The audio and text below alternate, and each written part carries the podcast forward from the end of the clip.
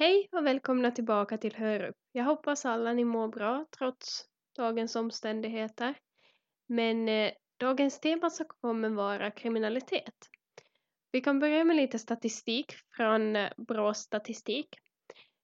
26 procent av befolkningen i åldern 16 till 84 uppger att de under 2018 utsattes för några brott mot enskild person.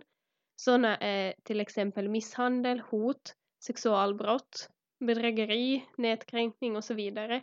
Och vanligast av dessa är hot. Alla dessa brott så har ökat jämfört med åren innan och även antalet konstaterade fall av dödligt våld har ökat jämfört med 2018. Nu pratar vi statistik 2019 och 2018 alltså. År 2018 så utsattes 14 procent av hushållen i riket för någon eller några brottstyper som egendomsbrott.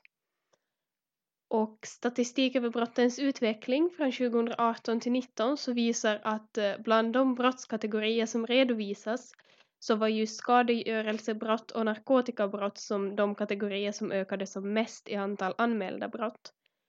Och bedrägeribrott var den kategorin som minskade mest i antal anmälda brott. Men förstås hur många brott som faktiskt anmäls så beror eh, helt på brottstyp. Och för många brottskategorier så kan antalet brott som har på riktigt begåtts vara helt annorlunda än vad statistiken kan berätta om. Så under 2019 så anmäldes cirka 1 miljon 550 000 brott till polis, tull eller åklagare vilket i princip var oförändrat om man jämför med 2018. Om man kollar på lite personer som är dömda till fängelset så kan vi se att 2018 så var det totalt 8927 personer som var dömda och de vanligaste så är i åldern 30 till 40 år. Av dessa 8927 personer så är kvinnor 673 och män 8254. Om man kollar på strafftiden så är vanligast för hur länge man sitter inne så är ungefär en månad och 19 personer år 2018 satt inne på livstid. Eh, det är flera av er som har undrat hur dyrt det är att underhålla de som sitter på anstalten och då har jag hittat på Kriminalvårdens hemsida eh, svaret på den frågan. Att det är förstås dyrare att driva ett fängelse med högre säkerhet eftersom det kräver mera personal. Men kriminalvården brukar räkna med att kostnaden för att sitta i fängelse är ungefär 3000 kronor per person per dygn och att sitta i häkte kostar ungefär 3600 kronor.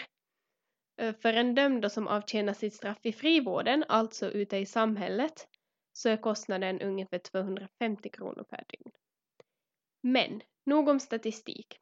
Till denna avsnitt så har jag fått äran att intervjua Josefin Engdahl som jobbar på kriminalvården och hon har besvarat lite frågor om kriminalvården och anstalten. Så nu tycker jag att vi lyssnar på vad hon hade att berätta för oss.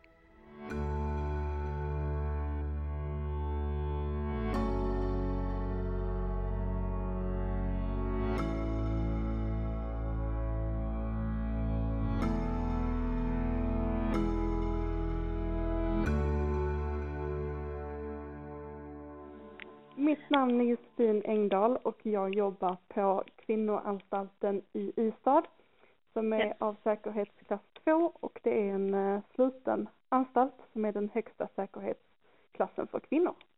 Mm. Jag uh, började jobba här 2016 så jag har jobbat här strax över fyra år nu och jag mm. blev väl först och främst intresserad av arbetet för att jag alltid tyckt att det är jättekul att jobba med människor.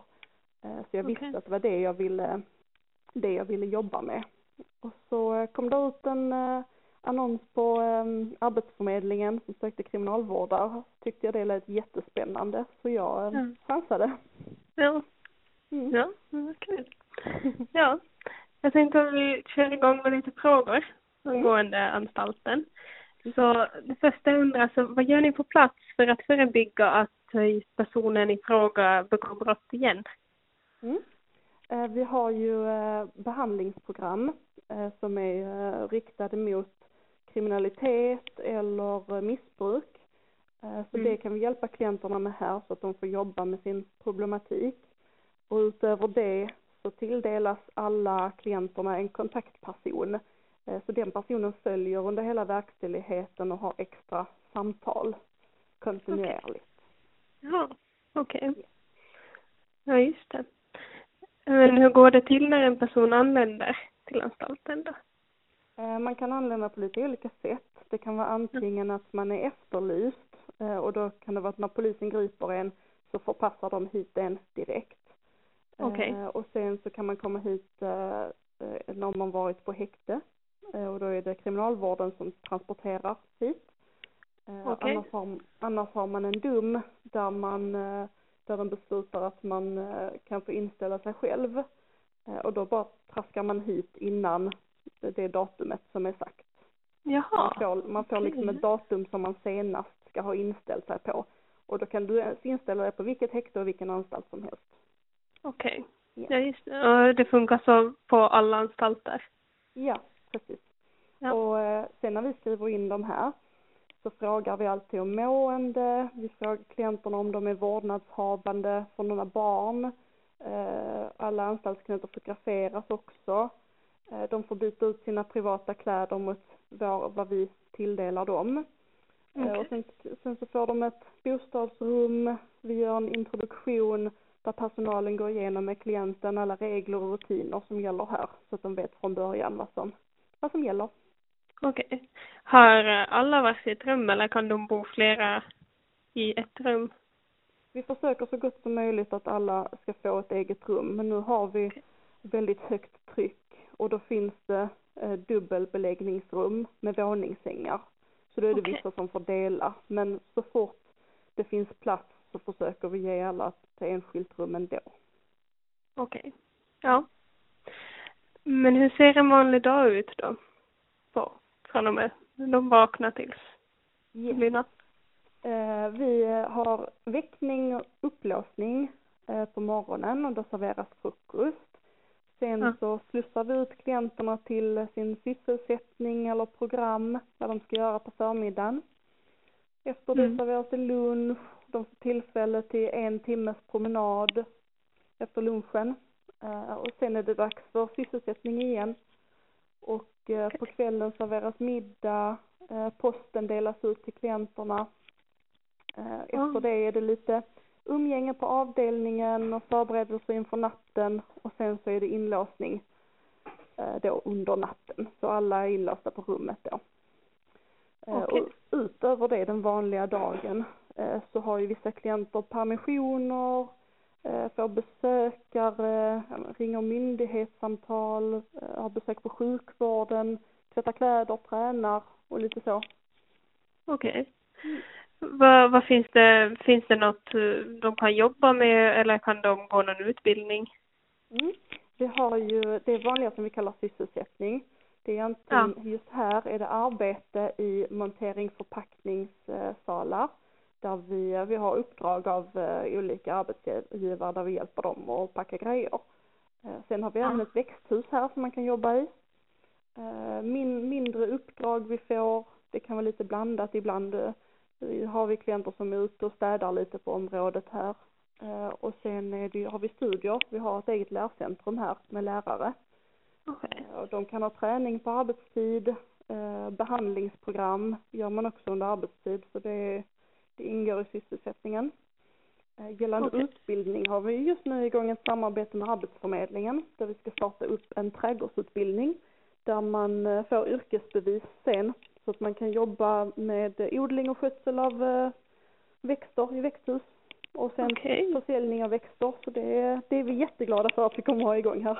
Ja, vi hjälper dem sen. Absolut. Börja på nytt. viktigt att komma ut i samhället igen. Ja. ja.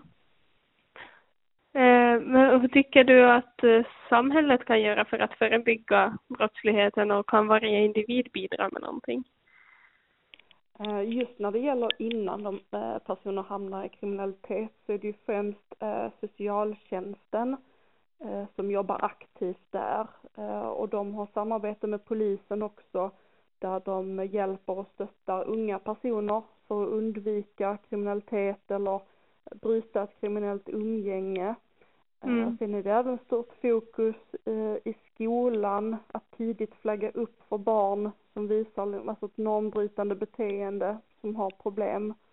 Eh, Och det, är, det finns ju forskning på att barn med tidig debut till kriminalitet har högre Mm. sannolikhet att fortsätta begå brott sen. Så det är Mm. viktigt liksom att sätta in insatser tidigt. Mm. Det är väl det jag kan Oj. säga. Ja. Ja.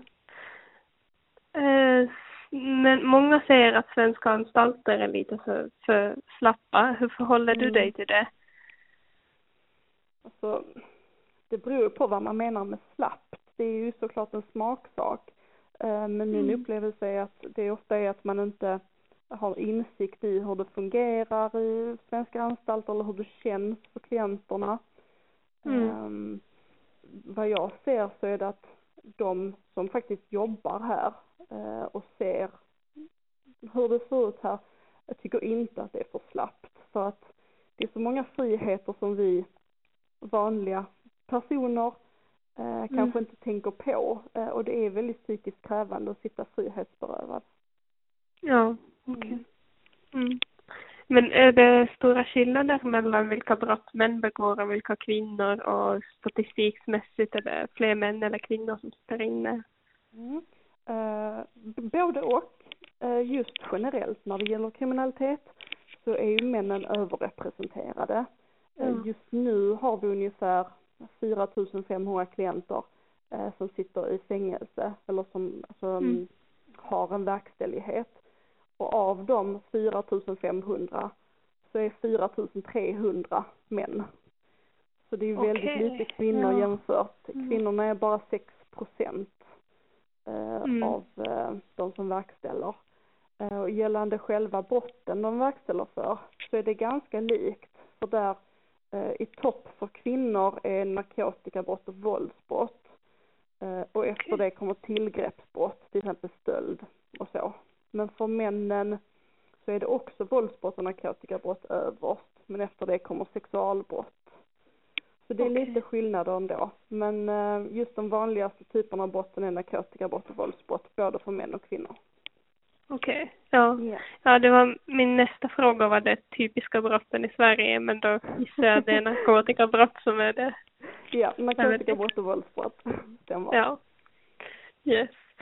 Eh, men hur stor procent av de här personerna som blir frisläppta kommer tillbaka? Eh, Där är det lite skillnad. Eh, För generellt, om man tittar på alla klienterna, så är det 30 procent som återfaller inom ett år. Men för kvinnorna är det bara 21 procent. Så det är lite, det går lite bättre för kvinnorna. Ja. Mm. Mm, men hur är det att jobba på en anstalt? Har du känt dig hotad någon gång? Du jobbar ju ändå på Sveriges striktaste kvinnofängelse. Mm. Först och främst så är det, det är väldigt intressant. För jag får ju lära känna och hjälpa människor här som jag kanske aldrig hade träffat eh, Ja. någonsin. Och jag tror jag har blivit mer ödmjuk och förstående för människor eh, tack vare mitt jobb. Sen är det väldigt kul också. Eh, I kriminalvården kan man ha jättevarierande arbetsuppgifter och man vet aldrig riktigt hur en dag kommer att se ut. Ja. Sen gällande om jag känt mig hotad eller otrygg eh, så tycker jag nog inte att, inte i större utsträckning än i vanliga livet. Skillnaden är att här är man beredd på att här finns personer med våldskapital eh, och man har ju alltid i bakhuvudet att tänka efter och undvika situationer som kan vara riskabla. Eh, Men personalen känner sig, vad, vad jag upplever så känner sig personalen inte rädd. För vi bär alltid larm och vi har alltid kollegor nära oss. Eh, Så det, det känns nästan läskigare att gå ensam hem en lördagkväll än att Okej. vara på jobbet här. Här vet man att Ja. man har personer runt om sig som man kan lita på och som hjälper en ifall någonting händer. Okej. Mm. Eh, Får jag ställa en sån fråga att eh, har du någon gång varit med om att du har blivit hotad av någon närstående som har suttit inne? Mm. Eh, nej, det har jag inte. Jag har inte varit Mm. med om det. Okej. Eh, och bildas det ofta någon eh, lite närmare relation till en fånge eller alltså har ni några restriktioner emot det? Eh, självklart bygger man ju alltså relationer. Vi, personalen här umgås ju nästan mer med klienterna än med sina egna vänner och familjemedlemmar. Mm. Mm. Men det, vi har mycket fokus här på att man ska skapa en tillit och en stöttande relation mellan klienten och personalen. För vi ska ju ändå hjälpa dem i sin förändringsprocess. Okay. Men det är också jätteviktigt att inte gå över den gränsen så att det blir oprofessionellt. För vi, mm. vi kan inte göra vårt jobb rätt om vi skulle bli vänner med våra klienter. Eh, mm. Det finns en risk för favorisering eller att man tappar det här säkerhetstänket.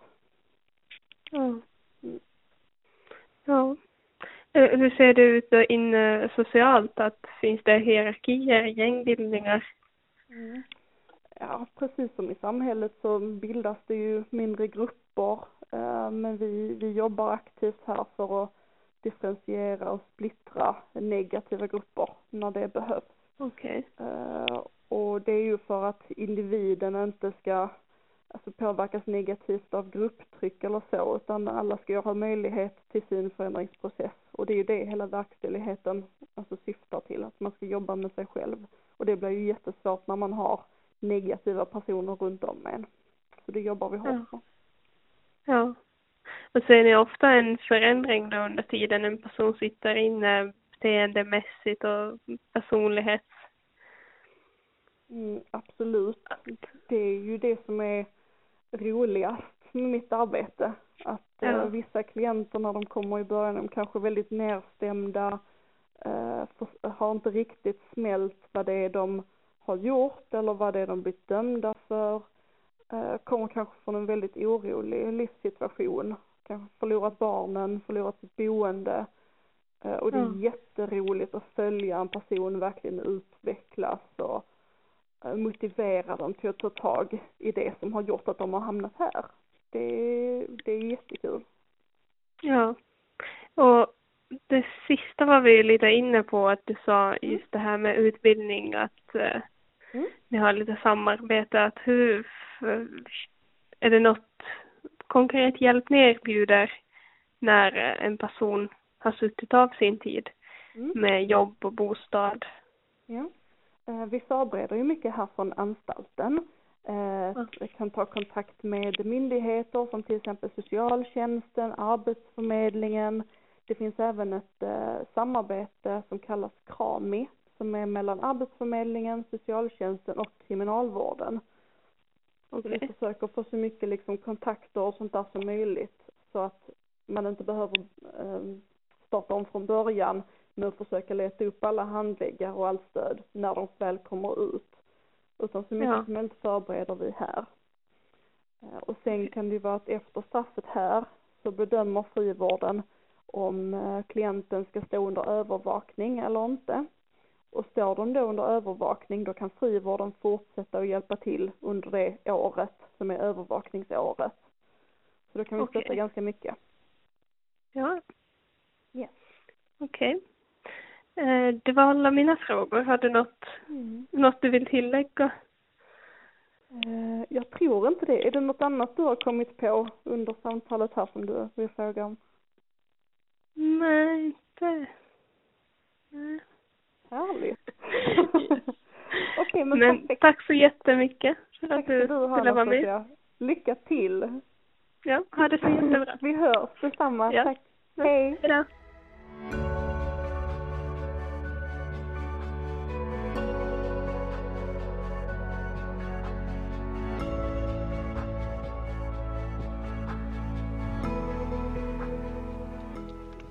Ja, ett stort, stort tack till Josefin för hennes medverkan i vår podcast.